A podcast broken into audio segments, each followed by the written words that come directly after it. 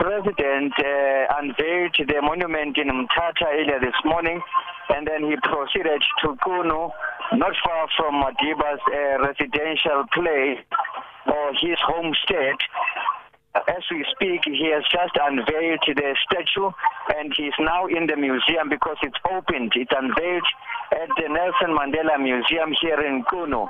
He has just done that and then he's in a briefing with uh, some of the locals as well as some people from the provincial government in terms of uh, what is this all about, especially the memorial, I mean the the the the, the, the monument, because you would recall that this monument is still fairly new, and the unveiling uh, it coincides with the unveiling of these, these two statues, Sakina.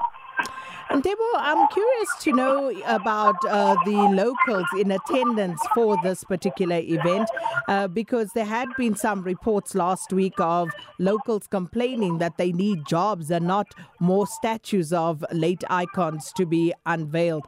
So, what has the sentiment been in Kunu and Mtata this morning?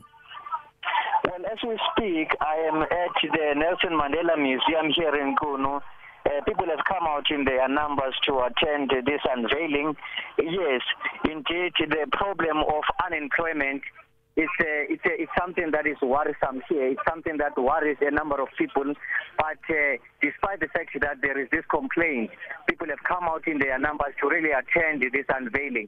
You will recall that I mean people are saying yes, uh, they, they, they, there hasn't been anything done to change their lives, especially the rural poor here.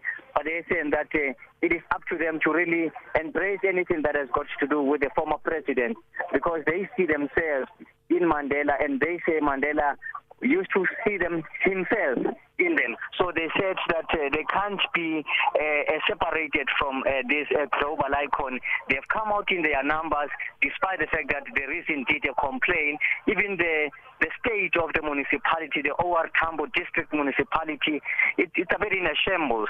But people are saying that uh, maybe that money, the 3.3 million rand that was spent here, could have been put to better use as opposed to building statues. As some people have alluded that uh, they don't eat statues, they don't even take their kids to school with statues.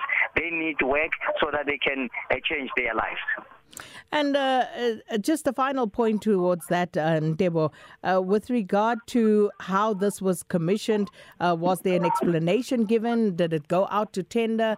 How did this process unfold?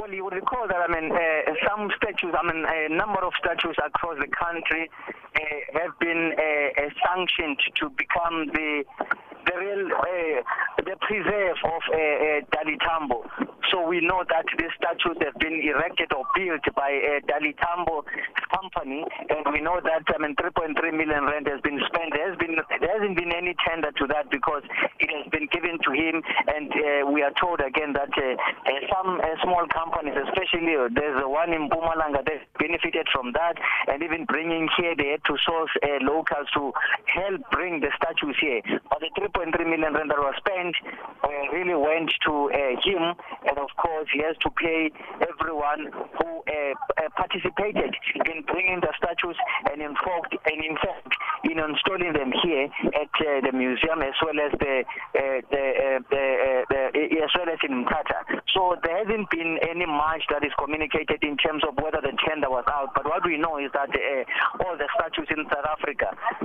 those statues have been built by him and uh, with in partnership with the Arts and Culture Department, because the Arts and Culture Department is the one that normally oversees some of, his, of, of these uh, heritage sites.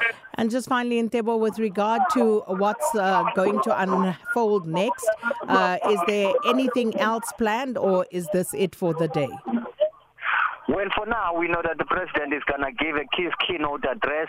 Uh, that, that that address will uh, focus mainly on Madiba 67 years that he spent, that he dedicated his life to, uh, changing the lives of uh, the many people in South Africa as well as the world.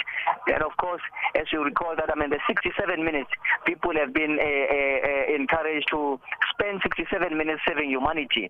So the president's speech will really focus on that, that 67 minutes, and uh, encouraging people to really work to change the lives of uh, ordinary folks, as Madiba did. And of course, he will also look into Madiba calling for peace because uh, Madiba really stood for peace. And of course, looking at or juxtaposing his address to what is happening, not just in South Africa, the challenges that the country is facing, but the global world, especially the war in Ukraine.